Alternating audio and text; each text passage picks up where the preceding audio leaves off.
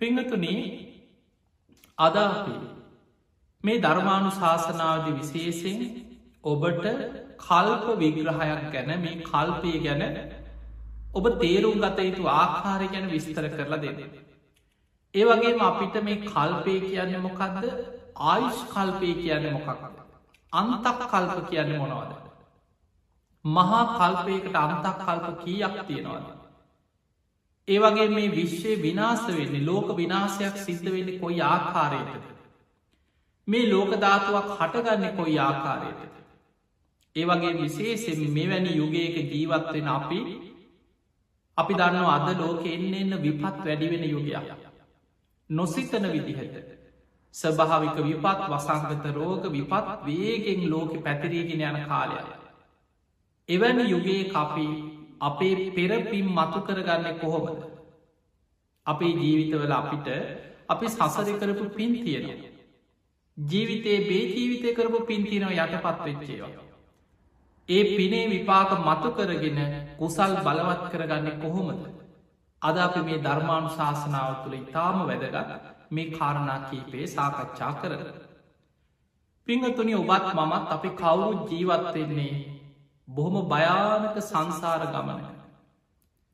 බුදුරජාණන් වහන්සේ සංයුක්ත නිකායේ අනම තග්ග කියන සංයුක්තය තුළ දේශනා කරා අනම තගගෝ භික්කවේ සංසාරෝ. මහනෙන මේ සංසාර ගමන අනවරාකරයි. පුබ්බා කෝටි නැපඥ්ඥාඇති පටන්ගත්ත කෙලවරක්කත් හොයන්න බැරිතරක් දීර්ග සංසාර ගමන. මේ සත්වයාගේ සංසාර ගමනේ පටන්ගත්ත කෙලවරක් බුදු කෙනෙකුට බුදුවැසිංවත් දකින්න බැරි තරන් දීර්ග කෙලවරක් නොපෙනෙන සංසාර ගමන. දැන් අපි ගත්තතුන් අපි ඉස්සරලා කල්පය ගැන තේරුම් ගන්න කලින් මේ උපමා කීපි තේරුම් ගමු දවසක් බුදුරජාණන් වහන්සකින් අහනවා සාමීනී භාක්‍යතුන් වහන්ස ඔය කල්පය කල්පය කිනො කල්පය කියන කොච්චරද. දැන් අපි මේ කතා කරන්නේ මහා කල්පයක් ගැන. බුදුරජාණන් වහන්සේ වදාලා අවුරුදුවලින් සීයයි දාහයි ලක්ෂයයි කියල බින්දුගානකින්නම් කල්පයට කල්පය බින්දු ගානකින් ඉලක්කමෙන් කියන්න බෑ. ඒ තරන් දීර්ගයි දැන් ඔබට හිතට පුළයිති ඉලක්කමෙන් කියන්න බැරිෙන මොකද අපි දන්න අපි සමහර දේවල් ඉලක්කමින් කියන්න අවුදුවලින් ගත්තා තවුරුදු සීය දාහ ලක්සේ අපිට තේරෙනවා ඉලක්කමෙන් කියපුහා හැබැයි සමහරේවා තියෙනවා අපිට ඉලක්කමෙන් කිව්වත් බින්දු ගාන වැඩිවෙන්න වැඩිවෙන්න අපේ නිකං ඔළුවත් විපිරිසර වෙන හිතාගන්නවත් බැරිලා තියෙනවා. ඔබ නිකං හිතන්න මෙහෙම කිව එකයි බිඳු දෙසිය පණහක් හිතර හිතාගන්නවත් බෑන. ඔබට ඉලක්කම කියාගන්නවත් බෑ. හිතන්නවත් ඒවගේ බුදුරජාණන් වහන්සේ වදාලා කල්පය කියන්න මෙච්චරක් කියලා බින්දුගාලෙන් කියන්න බැරි තරන් දීර්ඝ කාලයක්. එතකොට මේ කෙනාමේ බමුණා බුදුහාදුරගෙන් ප්‍රශ්නය හක් කෙනා හනෝ සාමීනී එහෙමනම් ඔය කල්ප තේරුම් ගන්න මට උපමාවක් කියන්න අන්න බුදුරජාණන් වහන්සේක උපමාවක් කියනවා යොදුනක් දිග යොදුනක් පලල යොදුනක් උස විශාල අබ කන්දක් හිතන්න කිය. ඔබ හිතන්න අබෑට අබෑට දන්න නිතාම පුංචි අබෑට. එතකොට මේ අබෑට ගොඩ ගහල ගොඩ ගහල අබ කන්දක් තියෙන. අබ කන්දක් කියන මේ පුංචි කන්දක් නෙමේ. යොදුනක් යොදුනක් යැනි සැතපුම් දාසයක්. දිග සැතපුම් දාසයක් පලලට ඒ තරම් උස තියෙන අප කන්දක් තියෙන. එදකොට මේ කන්ද දැන් ඔබට සැසකුම් ගානෙන් මැනේ නැතිවුණනාටික හිතෙන් හිතන්න අපි දන්න කන්දක් සිදී පාද කන්ද වගේ අබ ගොඩක් තියෙන අබ කන්ද. අවුරුදු සීයකට එකා බෑටයක් අයින් කරන. ඔන්න උපමා අවුරුදු සීයක් ගතවෙච්ච තැන එකා බෑටයක් අයින් කර. තවත් අවුරුදු සීයක් ගතවෙච්ච තැන තව එකා බෑටයක් අයින් කරන. තවත් අවුරුදු සීයක් ගතවෙච්ච තැන තව එකා බෑටයක් අයින් කර. ඔය විදිහට යම් කාලයක් එනවද අර විශාල අභකන්ද අවසන් වෙන. අවුරුදු සීයකට එකා බෑටයි බැගින් ඉවත් කරලා යොදුනක් දිග යොදුනක් පලල යොදුනක් තරන් උස අභකන්ද අවසන් වෙන දවසක් කෙනවද. මහා කල්පයක් කියන්න ඒ තරන් දීර්ඝ කාලයක් කියලා බුදුරජාණන් වහන්සේ උපමාවකින් දේශනා කර. දැන් ඔන්න ඔය උපමාවෙන් අපිට ටිකක් තේරෙන. තවත් තියෙනවා අනමතක්ක සංයුක්ත කල්පය ගැන තවත් වෙන විදිහ විග්‍රහය.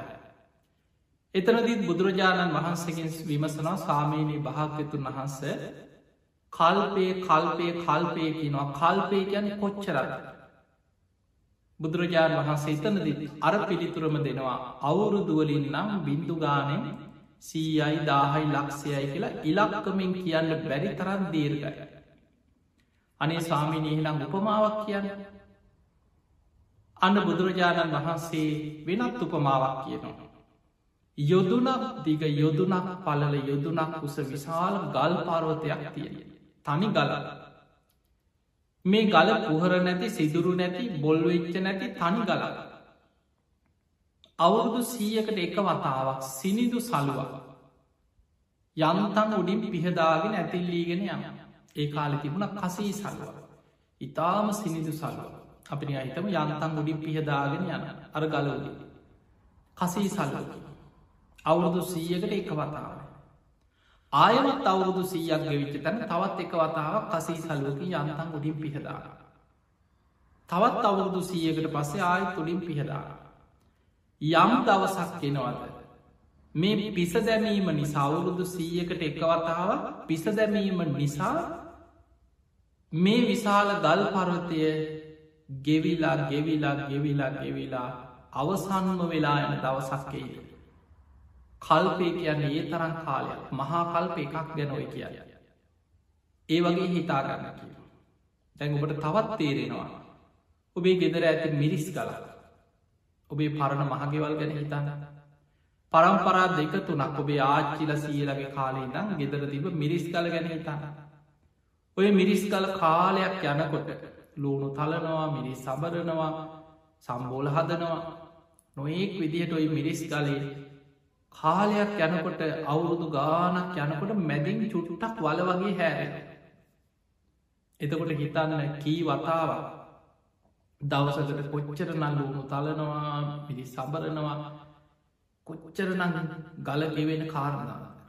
එතකොට මෙතන කිය දැ බලන්න එතකොට ගලක් ගෙවෙන ආකාරූපට තේරෙන. කොච්චර කාලයක් යනවද යම්තම් වල වගේ ගලක හැරේ. මේ උපමාව බුදු හාමුදුරුව පෙන්නුවේ අවුරුදු සීයකට එක වතාවක් යම්තන් සිනිදු සලුවකි මුඩින් පිහදාන විතර. ඒ පිස දැමීම නිසා යම් පුංචි ප්‍රමාණයක් මේ ගලේ ගෙවෙනවද. මේ ගල පුංචි ගලක් නෙමේ. යුදුනක් දිග. යොදුනක් පලල යොදුනක් උස කැන සැතපුම් දාසයක් දිග පලල උස ඇති. විශාල ගල් පරතයක් ගෙවිලා ගෙවිලා ගෙවිලා අවසන් වෙනවද. මහා කල්ප එකක් කියන්නේ ඒ වගේ ඔය කියන්නේ එක කල්පයක උපමාව. දැන් ඔන්න ඔබට අපි කල්පයක උපමා දෙකක් කියලද අරාබෑට උපමාවයි ගල් පරෝතයක් ගෙවෙන උපමාවයි. තැන් ඔය උපමා දෙකෙන්ම තේරුම් ගන්න ඕන මහා කල්ප එකක් කියන්න මෙන්න මේ වගේ දීර්ඝ කාලය. ඊළඟට ඔබ මතගතියාගන්න අපි කතා කරනවා සාරා සංකේය කල්ප ලක්සේ. අපේ බෝසතාණන් වහන්සේ දීපංකර පාදමූලි විවරණ ගත්ත තැනයිදා සම්මා සම්බුද්ධත්වයට පත්වෙන තැන දක්වාම සාරා සංකය කල්ප ලක්ෂයක් දසපාරමී සම්පූර්ණ කරගෙනාව කියල. දැන් හිතන්න අර කිව එක මහා කල්පයක්. එවැනි මහා කල්ප අර්ගල් පර්වතයක් ගෙවෙන කාලය. අබෑට උපමාව ඔය උපමාවෙන් කීවේ එක මහා කල්පයක කාලය. එතකොට එවැනි මහාකල්ප අසංකීය හතරක්. තවත් කල්ප ලක්ෂයක්. සාරා සංකීය කල්ප ලක්ෂය අසංකේය කියලා කියන්නේ එකයි බින්දු එකසිය හතලිය එතකොට එවැනි එකයි බින්දු එකසිය හතලිහේව හතර ගුණයකුත් තවත් කල්ප ලක්ෂයක් තමයි සාරා සංකීය කල්ප ලක්ෂේ දැන් ඔබට මේ ටික යන්තන් හරි තේරුණානා ඔබට තේරෙනවා අපේ බෝසතාණන් වහන්සේ බුද්ධත්තය පිණිස දීපංකර පාදමූලේ ඉඳං දස පාරමී සම්පූර්ණ කරගෙන ආපු කාලෙ කොච්චර දීර්ක කාලයක්ද. ඔය සාරා සංකීය කල්ප ලක්ෂය තුළම මේ ලෝකයේ මේ විශ්වයේ පහළ වනේ බුදුරජාණන් වහන්සේලා විසි හතර නමක් පමණයි. සූවිසි විවරණ ලැබවා කෙලො බහලතිය. එහෙමනම් මහා කල්ප එකක් කියන්න කොච්චර අවුරුදුවලින් හිතන්නවත් පැරි කාලය. එතකොට එවැනි කාල අසංකේය හතරකුත් තවත් කල්ප ලක්ෂයක් සාරා සංකයේ කල්ප ලක්ෂයක් දසපාරමී සම්පූර්ණ කරලා අපේ බෝසතාණන් වහන්සේ මේ මහා බද්්‍රකල්පේ හතරවෙනි බුදුරජාණන් වහන්සේ හැටියට සම්මා සම්බුද්ධත්වයට පත්වේද. එනිසා පිංහතුනී සම්බුද්ධත්වයට පත්වෙනවා කියලා කියන්නේ හිතන්නවත් බැරි.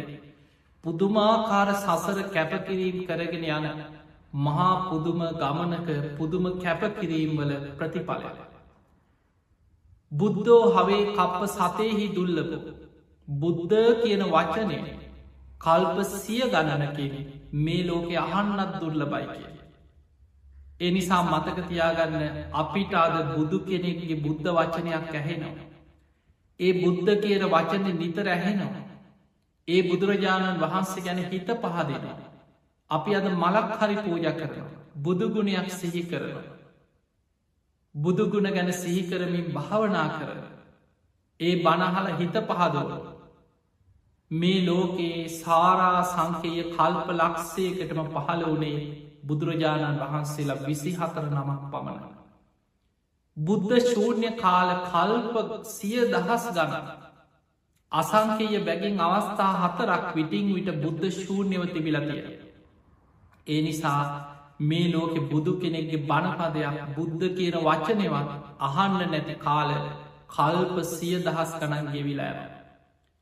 මතකතියාගන්න ඔය දීර්ග කාලය තුළ අපිට මෙච්චර කාලයක් කියල හිතුවට ඔබත් මමත් මේ බණහන සියලු දෙනාමත් මේ සංසාර ගමනේ ඔය කාලෙ කොහේ හරි ඉපදීපදියාව කෙලවරක් නොපෙනෙන සංසාර ගමන ආපු පිරිසක් ඔබත් මමම. අපි ඕන තරන් නිරේවල්වල දුක්විඳවිඳ ඉන්න ඇට කල්ප ගට. තිරිසං අපායවල්වල වැටිලා කොච්චර දුක්විඳල ඇත සසස. ප්‍රේතාපායවල්වල කොච්චරනන් සසරි දුක්විඳල ඇද. අසුරාපායවල්වල කොච්චර දුක්විඳල ඇද. හිඟන්න වෙලා සමහර වෙලාවට අතපයි විකෘති වෙලා ඉපදිලා මානසික රෝගීන් හැටියට ඉපදිලා ගුටිකාල පිහි ඇනුම් කාල මැරිච්චවාර මේ දීර්ග සංසාර ගමනේ අනමතක්ග සංයුක්ති බුදුරජාණන් වහන්සේ පෙන්න්නනවා මහනෙමී මේ සතර මහා සාගරී ජලය ඔබ දන්නවා මහමුහෝද මහා සාගරී කොච්චර ජලයක් තියෙනවා. මේ ලෝකෙ ප්‍රමාණය ගත්තහම සාමාන්‍යයෙන් ගොඩබිමට වඩා වැඩිපුරම තියෙන්නේ මහා සාගරය වැහිලා. මුහුදෙන් වැහිලතිය. බුදුරජාණන් වහන්සේ උපමාවකට පෙන්වා එක පුද්ගලේ මේ දීර්ග සංසාර ගමන ඉපද ඉපද ඉපද ඉපදයන සසර ගමනේ තමන්ගේ අම්මගේ බීල තියෙන මව්කිරි ටික මේ සතර මහා සාගරී ජලයට වඩා වැඩී කියල හිතන්නකි. මාතු තඥ කෙන සූට්‍ර බුදු හාන්දුර පෙන්නවා. තමන්ගේ අම්ම නිසා හැඩෝ කඳුළු සතර මහා සාගරයේ ජලයට වඩා වැඩී කියව සංසාර ගමන.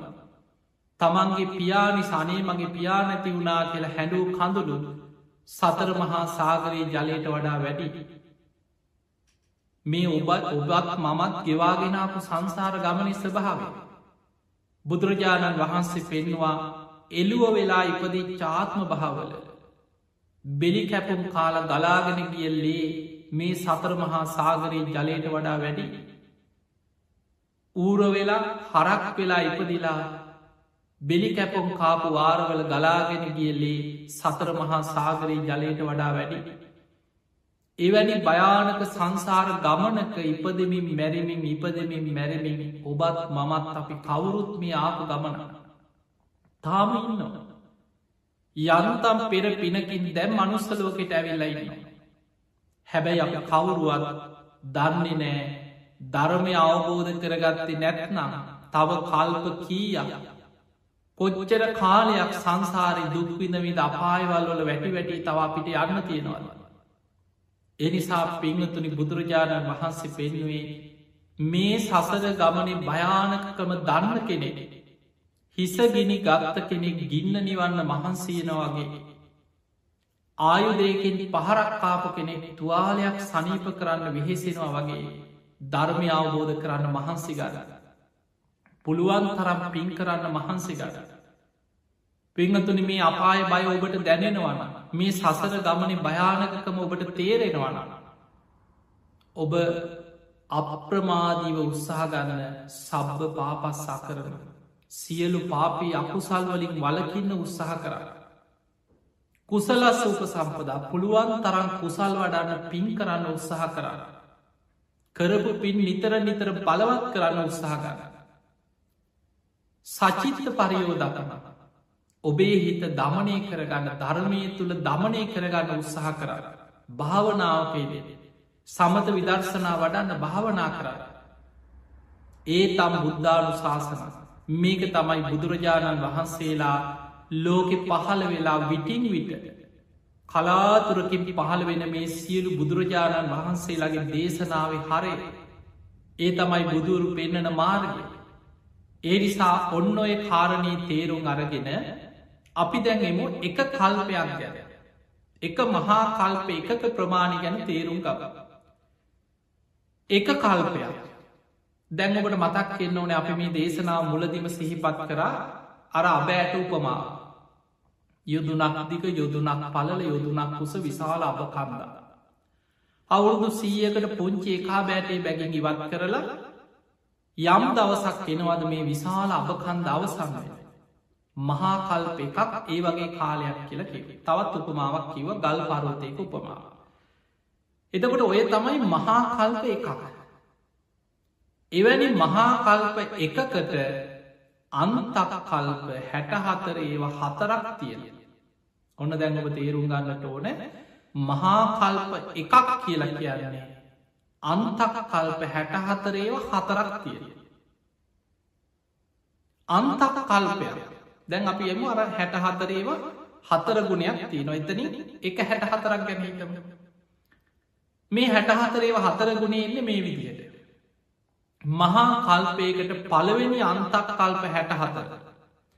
ඒ අන්තක් කල්ප හැට හතරේ මේ ලෝකෙ ඉන්න සත්වයන් දිවියලෝක බ්‍රහ්මලෝක නිරය තිරිසන්ලෝක ප්‍රේතලෝක අසුරාපාය මනුස්සලෝක ඔය විදිහට තල තිස්ස එකක් තියෙන. හිරු සඳුගේ ආලෝකයේ විහිදෙන පරාසය තුළ සත්වයන් උපදින තල තිස්ස එකක් ගැන බුදු හාමුදුරපේනේ. මනුස්ස ලෝක එකයි සතරාපායක් දිවියලෝක හයක් රූපාවචර බ්‍රහ්මලෝක දාසයක් අරූපී බ්‍රහ්මතල හතරක් ඇතිලා. එතකොට සපතයන් මේ ලෝකවල ඉපදමින් මැරමින් ඉපදමින් මැරමින් මනුස්්‍යයන්ගේ ආවිශ කාලෙකට වැඩිවෙන අසංකේට කාලෙකට අඩුවෙලා අඩුවෙලා අවුරුදු දහයට අඩුවෙන ඔය විදිහ අන්තක් කල්ප හැට හතරක් යනවා පළවෙනි අන්තක් කල්ප හැටහත. ඒ පළවෙනි අන්තක් කල්ප හැටහතරෙන් පස්සේ මේ තල තිස්සයකින් යුක්ත මේ ලෝක දහතුවම විනාස වෙන්න පටන්ගන්න. ගිනිගෙන විනාස වෙන්න පටන්ගන්න.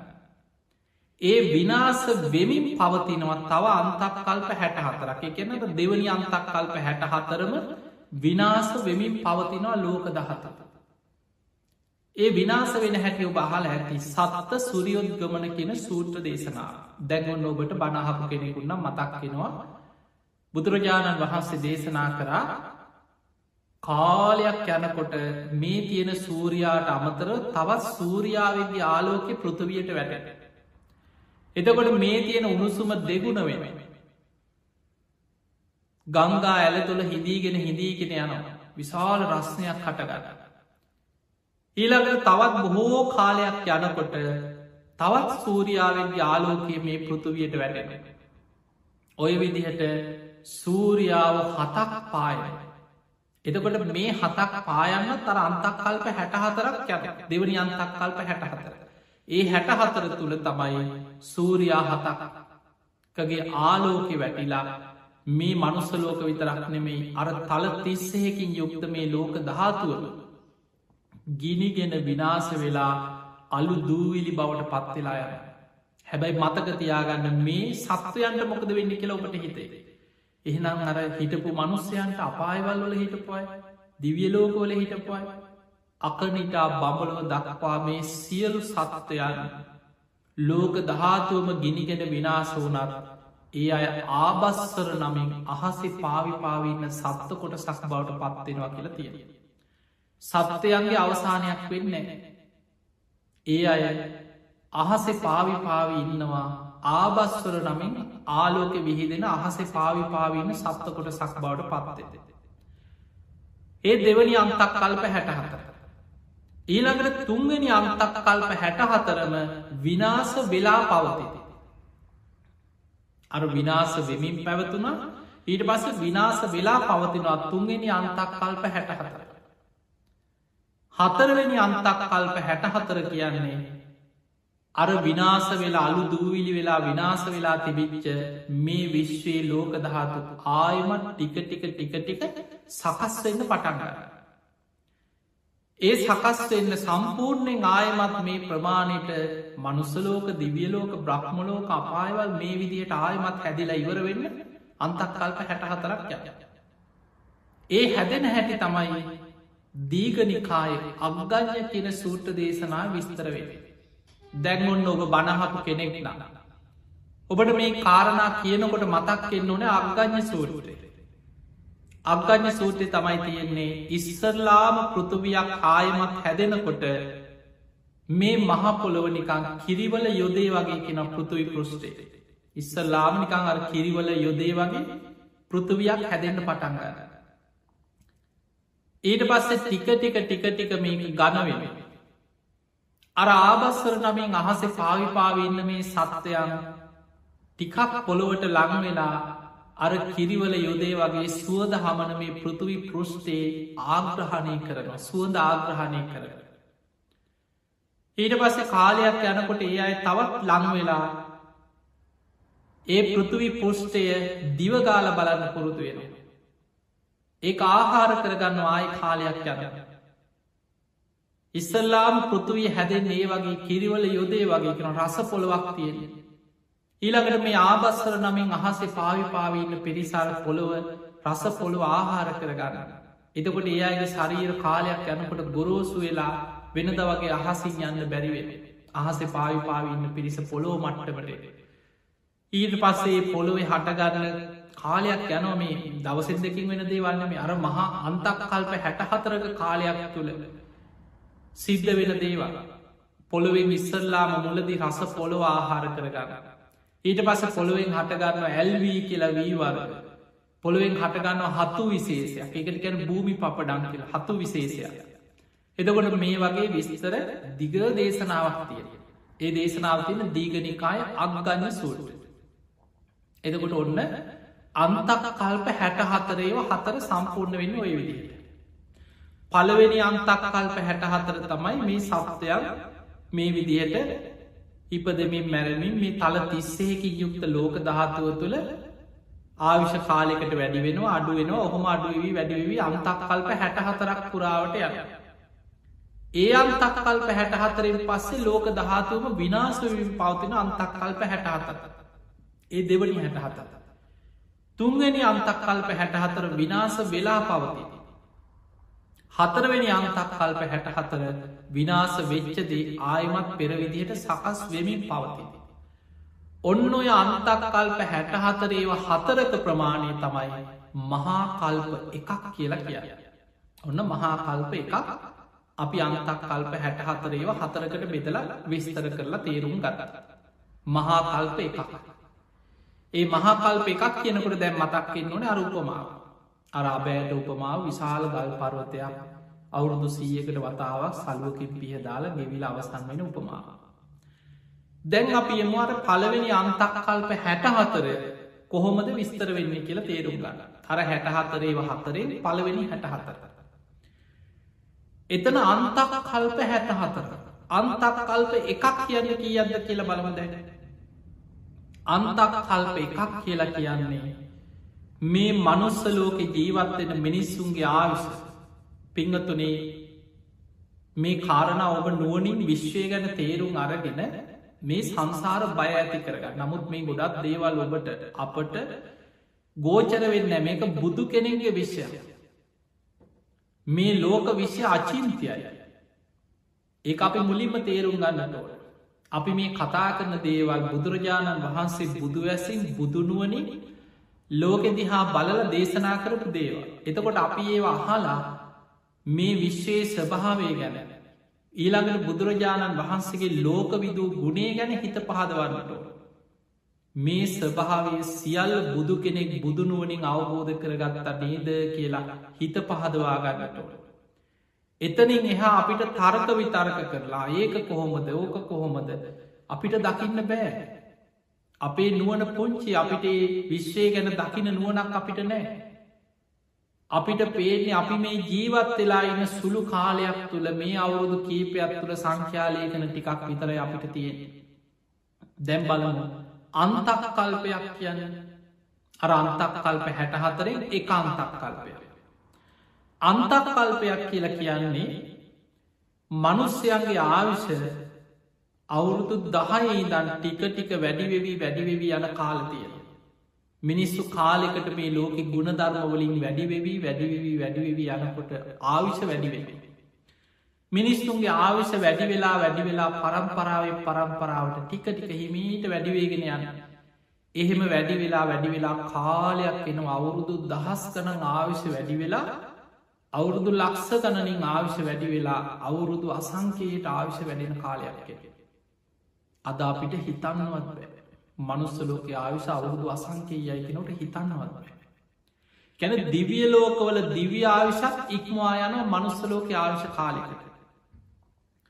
එහෙම අසංකයට ආවිශ වැඩි වෙලා ඒ වැඩිවෙච් ආවිශායමත් එතන ඉදං අඩුවේගේ නඩුවේගේ නඩුවේගේ නඩුවේගේ නැවිල්ලා මිනිස්සුන්ගේ ආවිශ අවුරුදු දහයට මඩුවෙන දවසක්කය. අන්නේ ආවිශ අවුරුදු දහයට අඩුවෙනකොට අර ආවිශ අඩුවෙන්නේ කෙලෙස් වැඩවීමත්තේ. ඊට පස්ස මිනිස්සු ටික ටික රාග දවේශ මෝහාදී අකුසල් බලවත්තේද. ක්ලේෂ ධර්මයන් වැඩිවෙන.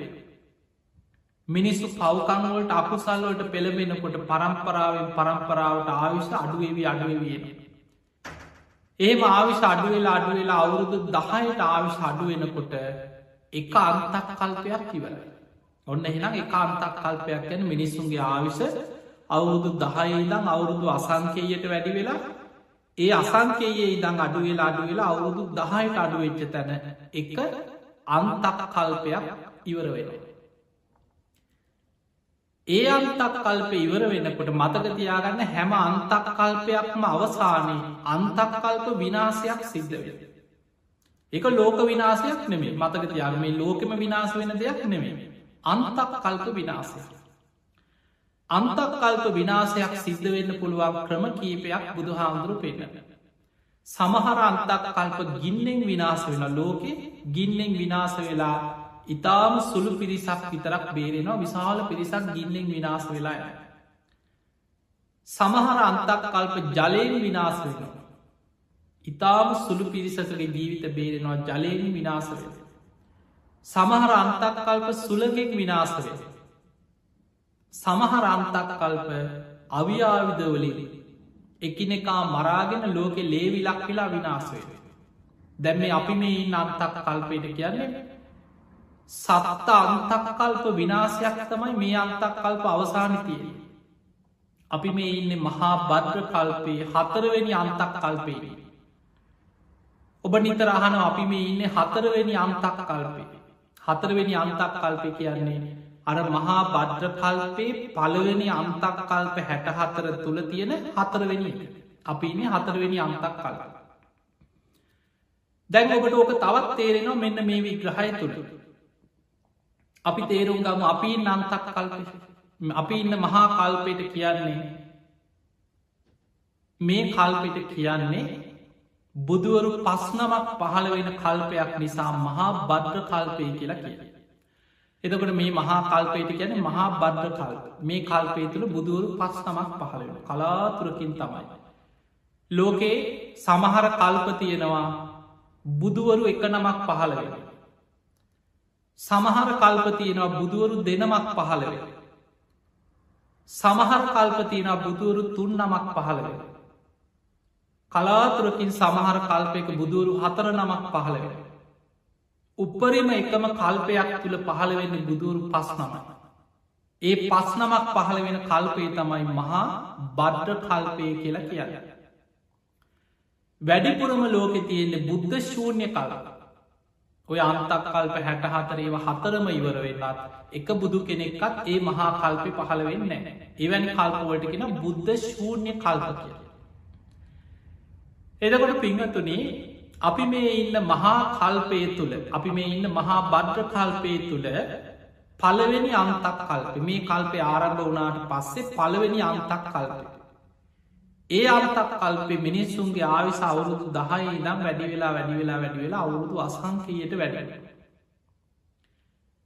ඒ අසංකයට වැඩිවෙච් ආවිශ අඩුවේගේ අඩුවේගේ අඩුවේගේ නැවිල්ල මිනිස්සුන්ගේ ආවිශ අවුරුදු හත්තලිස් දාහ වෙච්ච තැන තමයි කකු සඳ කියන බුදුරජාණන් වහන්සේ පහළවෙන. මේ මහා බද්ධ කල්පේ පළවෙනි අන්තක් කල්ග. එහෙමනං ඒ කාලේ ජීවත්වෙච්ච මිනිස්සුන්ගේ සාමාන්‍ය ආයු අපේක්ෂණය අවුරුදු හතලිස් දහක් හැටියට තිේ අද අපිට හිතන්නවත් බැ. ඒ ආවිශ අඩුවෙලා අඩුවෙලා අඩුවෙලා අවුරුදු දහයට අඩුවෙලා පළවෙනි අන්තක් කල්පි විනාස වෙන. එතනින් ජීවිත බේරෙන අයගෙන් දෙවනි අන්තක් කල්ප ආරම්භ වෙන.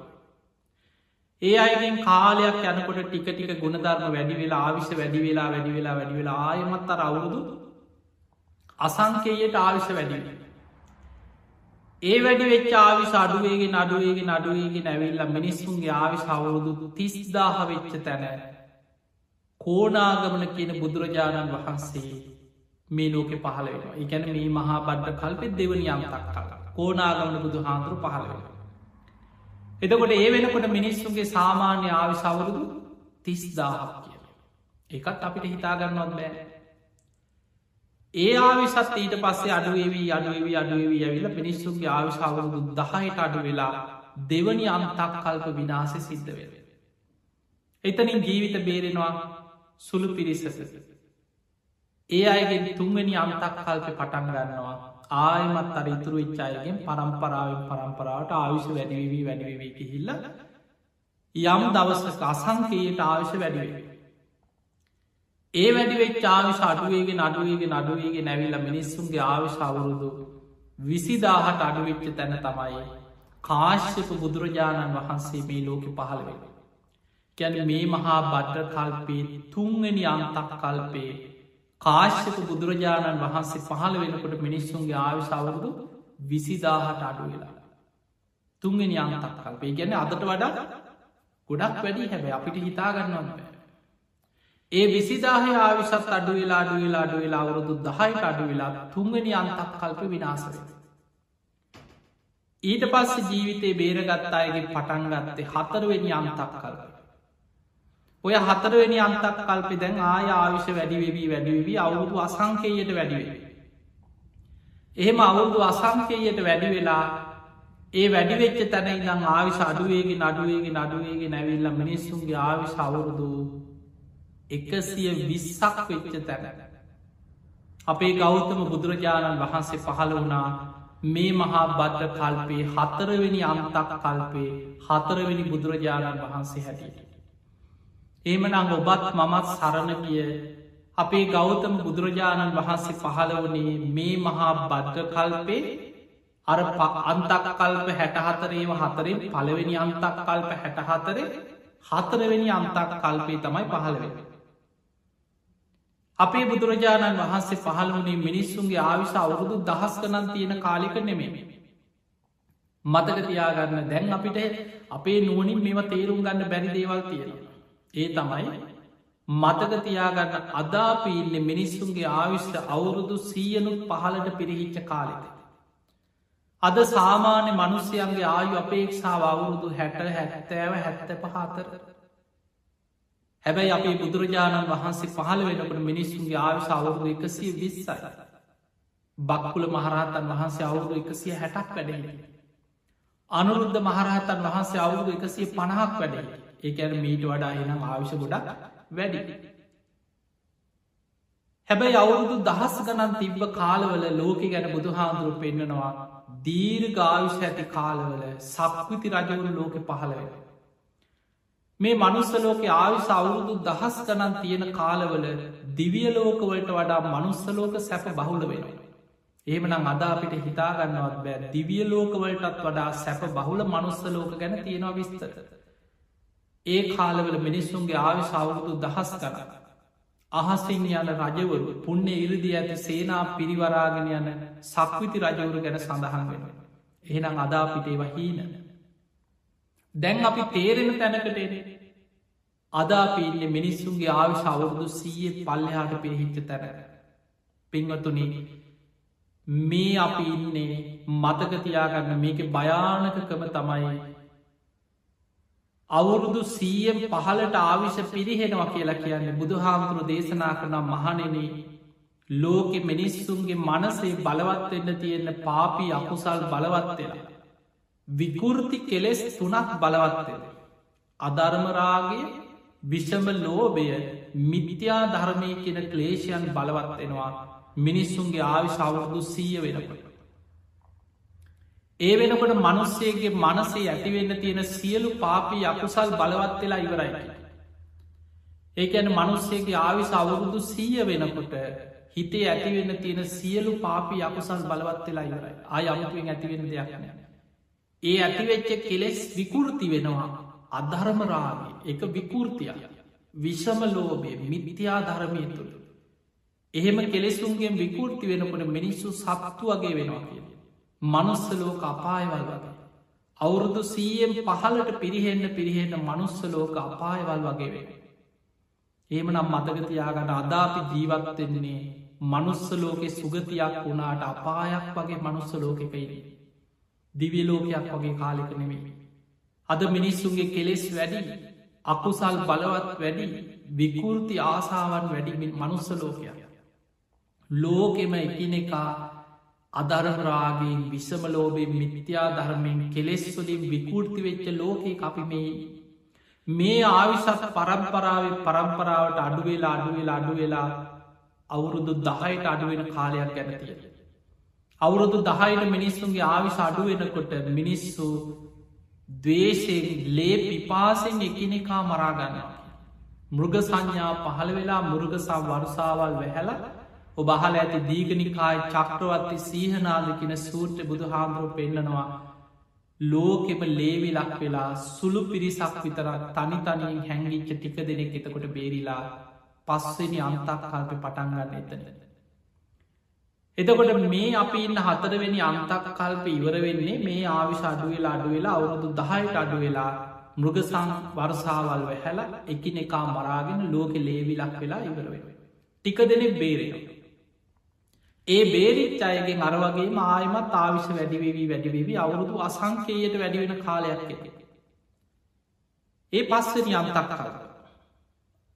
අසංකේයට වැඩිවෙච් ආවිශ අඩුවෙලා අඩුවෙලා අඩුවෙලා අවුරුදු අසූදාහ වෙනකොට තමයි මෛත්‍රී බෝසතාණන් වහන්සේ ලෝක පහළ වෙන.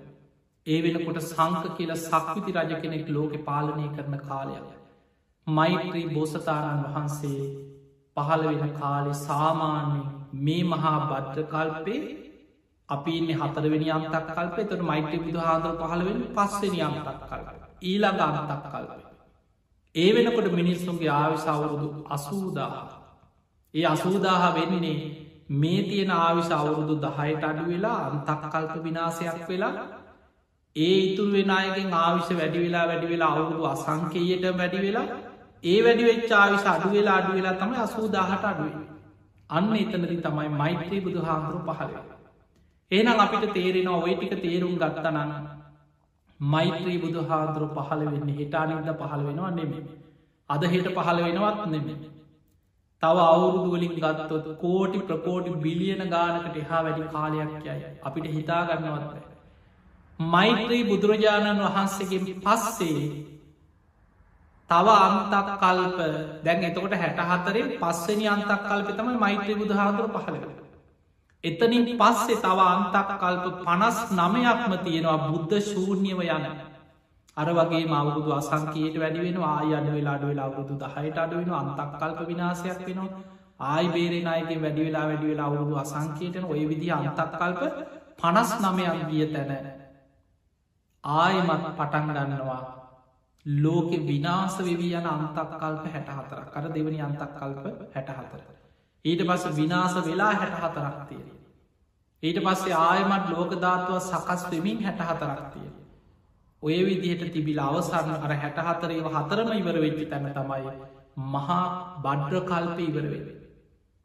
එතනින් පස්සේ තව මහා කල්ප කීයක් බුදු කෙනෙක් ලෝකෙ පහළ වෙනවද නැද්ද කියලා තාම විස්තරයක් දේශනාවක නෑ. මෛත්‍රී බුදු හාමුදුරු තමයි තව කල්ප කීයකින්ද ඊළඟට බුදු කෙනෙක් පහළ වෙන්න කියලා දේශනා කරන්න. එනිසා පිංහතුන මේ අද ඔබට කියලදීපු දේශනාව හොඳට අහගෙන හිටියන. ඔබ හොඳට තේරුම් ගත්තනන්න මේ සංසාර ගමන ගැන මේ විශ්වය ගැන සසරි ස්වභාවය ගැන ඔබට විශාල බයක් උපදේ.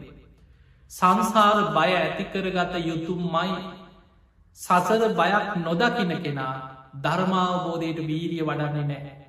ඒ නිසා සංසාර බය ඇති කරගන්න. ඊළඟට ඔබට මං කියල දෙන්න ඉතාම වැදගත් කාරණය. ඒ තමයි දැන් ඔබ දන්නවා මේ කල්ප විග්‍රහය හොඳට තේරුණානන්න ඔබට තේරෙනවා අපි ඉන්න ලෝකයේ පාම කරපු කාලෙක. මිනිස්සුන්ගේ ආවිශ අවුරුදු සීයනු පහලට පිරිහිච්ච කාලෙක. කෙලෙස් වැඩි කාලෙක. අකුසල් බලවත් කාලෙක. අධර්මරාගේ විශ්වමලෝබයේ මිත්‍යා ධර්මයෙන් යුක්ත කාලෙක අපි මෙඉන්නේ. මෙවැනි කාලෙක ලෝකෙ ස්භාවික විපත් වැඩිවෙන. වසංගත රෝග වැඩිවෙන. ලේ පිපාසෙන් ඉන්න විකෘති මිනිස්සු වැඩ. මිත්‍යාදෘෂ්ටික දේවල් ලෝකෙ වැඩි ධර්මය දියුණු කරන්න අමාරු. හැබැයි අපිට අමාරුයි කියල විකල්පයක් නෑ. ඒ නිසා මෙවැනි කාලෙක ඔබ රැකිය යුත්තේ ඔබේ ගුණධර්මවලින් මයි. වෙන ඔබට පිහිටක් නෑ. ඔබේ ගුණධර්මයෙන්මයි ඔබ රැකෙන්න්නට ඕ. පිංහතුනි ධර්මී තියෙනවා මිනිස්සුන්ගේ ආවිස අවුරුදු දහස් කනන්වල දෙවියන්ගේ පිහිට මනුස්සලෝකෙට තියෙනවා. දෙවිවරු මිනිස්සු අතර පෙනේ ඉන්නවා දෙවියම් මිනිස්සුන්ට පිහිට වෙන. හැබැයි මිනිස්සුන්ගේ ආවිස පිරිහිලා පිරිහිලා අවුරුදු සීයෙන් පහලට පිරිහෙනකොට මනුස්්‍යයන්ගේ කෙලෙස්වල ස්භාවයක් එක්ක දෙවියම් මනුස්්‍යයන්ගෙන් ඇත්තෙනවා. දෙවියන්ගේ රැකවරන්නේ මනුස්සලෝකයට අහිමි වෙන්නේ මිනිස්සුන්ගේ ආවි සෞරුදු සීයේ පහලට පිරිහෙන්න පටන්ගන්න තැනයින. අද වෙනකොට ලෝකෙ දෙවියන්ගේ රැකවරණය අහිමි වෙච්ච ලෝකයක්. හැබැයි අපිට රැකෙන්න්න තියෙන්නේ ධර්මයමයි. ධර්මී හැසිරෙන කෙනා ධර්මයෙන් රැකෙනවා කියන්නේ එකයි. ඒ නිසා ඔබ මෙවැනි යුගයක මෙවැනි විපත් බහුල කාලෙක හොඳට පන්සිල් රකින්න. ඔබට ආරක්ෂා වෙන්න තියෙන එතනින් ඔබේ සීලේ පිරිසිදු කරගන්න. අමාරු අඩාඩා හරි සිල්ලට ඒක ප්‍රතිඵල ඔබ කරායන. ඊළඟට පෙරපෙන අපි බලවත් කරගන්න දක්ෂ වෙන්නට ඕන. ඔබත් මමත් අපි කවුරු සසර කරපු පින් තියෙන. ඒ පින් සමහර වෙලාට පරිසරයට අනුව විපාකරෙන. ඊළඟට සමහර පින් තියෙනවා යටපත් වෙලා තිය. ඒ පින මතු කරගන්න අපි දක්ෂ වෙන්නට ඕන. ඒ නිසා පින මතුවෙන්න නං එකට අපි ධර්මය කියනවා උපන්නා වූ කුසල් දියුණු කරගන්න. නූපන් කුසල් උපදවල. උපන් කුසල් දියුණුවෙන් අපි කරපු පින් තියෙනවා. ඒ පින් බලවත් වෙන විදිහට පින නිතර නිතර සිහි කරන්න දක්ෂ වෙන. ඔබ දන්දීපු ඒවා ඔබ කරපු පින්කා සමහර වෙලා දැන් අපි දන්නා මේ වසංගතයක්ත් එක්ක ලෝකෙ පැතිරිලා යන ඔබට මේ කාලෙ වෙනද වගේ නිදහස පින්කං කරන්න බැරිවෙන්න ඇත. පහුගේ මාස කීපේම ලෝකෙ බොහෝ රටවල් ගත්තු. මිනිස්සු ඇඳෙන නීතිය එක්ක මිනිස්සුට වෙන දවගේ නිදහස වැඩ කරගන්න විදිහක් නෑ අසාවලට යන්න විදිහක් නෑ පින්කං කරන්න විදිහක් නෑ මිනිස්සුන්ට එකතු වෙන්න විදිහක් නෑ හැබැයි ඔබ පෙර කරපු පිමි ඔබ ජීවිතේ දන්දීපු ඒවා පින්කංකරපට නිතර පිනම මෙනෙහි කරන්න ඔබ දන්නවා ඉස්සර මිනිස්සු පින් පොත් තියාගෙන ඒ පින් සිහිකර කර බලවත් කර. ඒ වගේ ත්‍යාගානුස්සති ඒක භාවනාව. තමන් කරපු පින භාවනාවක් පසෙක් වඩා ඒකට ධර්මී කියන්නේ ත්‍යාගානුස්සති භාවනාව. ඔබ භාවනාවක් හැටියට පින මෙනෙහි කර කර පින වඩන්න පුරුදු කරලා. මොකද මෙවැනි යුගයක පින කියන එක ඉතාම වැදගත. පුඤ්ඥානි පරලෝකස්නින් පතිට්ටාහොත්ති පානනා. පරලව සත්වයාට පිහිට පිළිසරණ පිණිස පවතින්නේ තමන් රැස් කරගත්ත පින.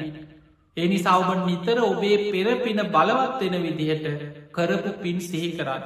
මං මේ වගේ පින්කරපු කෙනෙක් මං මේ වගේ පින්කරපු කෙනෙක් මගේ ජීවිතේ මං මේ තරම් පින්කරගත්තා මං මේ වගේ පින්කරගත්තා කියලා කරපු පින් නිතර නිතර මෙනෙහි කරන්න සිහි කරන්න බලවත් කර.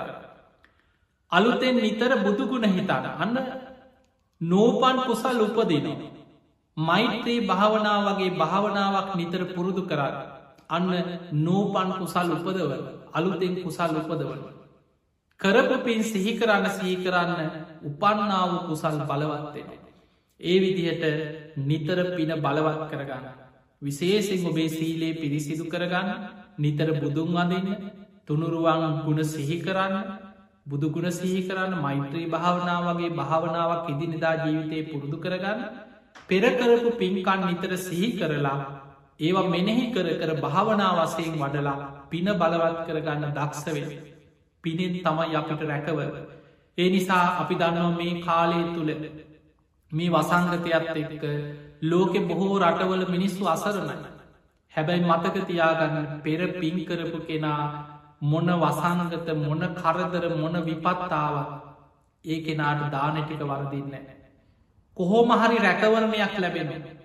එයාට කොහොම හරි කෑමබීම ටික ආහාරපාන ටික ඉන්න හිටින්න ටික රැකවරණේ අමාරුම කාලෙක පවා එයාට ලැබෙනවා ඒ පෙර පිනෙ.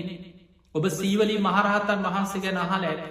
කැලේකට ගියත් දෙවියන් විමාන මවාගෙන දන් දෙෙන කවදාවත් දාන්ටික වැරදුන්නේ ඒකට හේතුව සසර පින ඒ තරම් ප්‍රබලල යම් විපතක් වෙන්න පෙර දෙවිවරු මඟ පෙන්න්නනවා දෙවියම් පිහිට වෙනවා. තමන්ව ආරක්ෂා කරලා දෙන්න ඊට කලින් තමන්ව සුදුසු ආරක්ෂිත තැන්වලට දෙවියන් පිහිට වෙලා යොමු ඔබට මඟ පැහැදෙන පිනෙන් තමයි ඔබවේ අරගෙන යන්න. ඒ නිසා මෙවැනි කාලයක් තුළ පුළුවන් තරම් පින් කර අපි දකිනවා මිනිස්සුන්ගේ මනස විකෘති වෙන දේවල් ලෝක ඕන තර දේශපාලන ප්‍රශ්න රට එක කෙනාට බැනගෙන දවේශයෙන් වෛරයෙන් ඊළඟට මිනිස්සු මේ එක වසංගතයක් ඉවර වෙනකොට එක්කෝ වර්ණ බේදවාදයක් කළු සුදු බේද වෙන්න පුළුවන් ජාති බේද වෙන්න පුළුවන් කුල බේද මොනවහරි ප්‍රශ්න ඇදගෙන ලෝකෙ මිනිස්සු වෛරයෙන් දවේශයෙන් ලෝකෙ පැටලි පැටලි අකුසලේ පැත්තටම යන ඔබ රැකෙන. මේ වගේ වෙලා ඔබ මෛත්‍රිය පුරුදු කරන්න. බුදුගුණ සිහි කරන්න.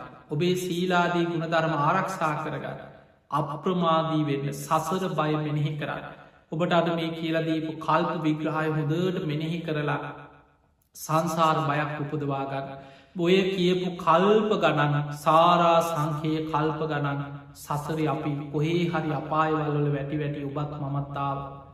හැබැයි අපිට වටිනා බුද්ධ ශාසනයක් දැන් ලැබිල තියෙන. ලෝකෙ අමාරුම කාලෙක කෙලෙස් වැඩි කාලෙක අපි මනුස්ස ලෝක හිටියන්න වටිනාමදේ බුද්ධ ශාසනය ලැබ මනුස්ස ජීවිතය ලැබ. අප්‍රමාදීව ධර්මය දියුණු කරන්න උත්සාහයන ගන්න. එහෙම නැතිවුණොත් අපිට තවත් අනාගතයේ කෙලවරක් නොපෙනෙන අපාය වැටි වැටි යන භයානක ඉරනමකට වැටෙන්ට සිද්ධ වෙන. එහෙම නං ඔබ හැම දෙනාටමත් මේ ධර්මාණු ශාසනාව තුළ අප්‍රමාදීව ධර්මයම දියුණු කරගන්න මාර්ගීම විවරවේවා කියල අපි ආශිර්වාද කරනවා. ඒ පිණිස ඔබ හැම දෙනාටම මේ ධර්මාණු ශාසනාව ආශිර්වාදයක්ම වේවා පිහිටම වේවා කියල අපි ආශිර්වාද කරකර.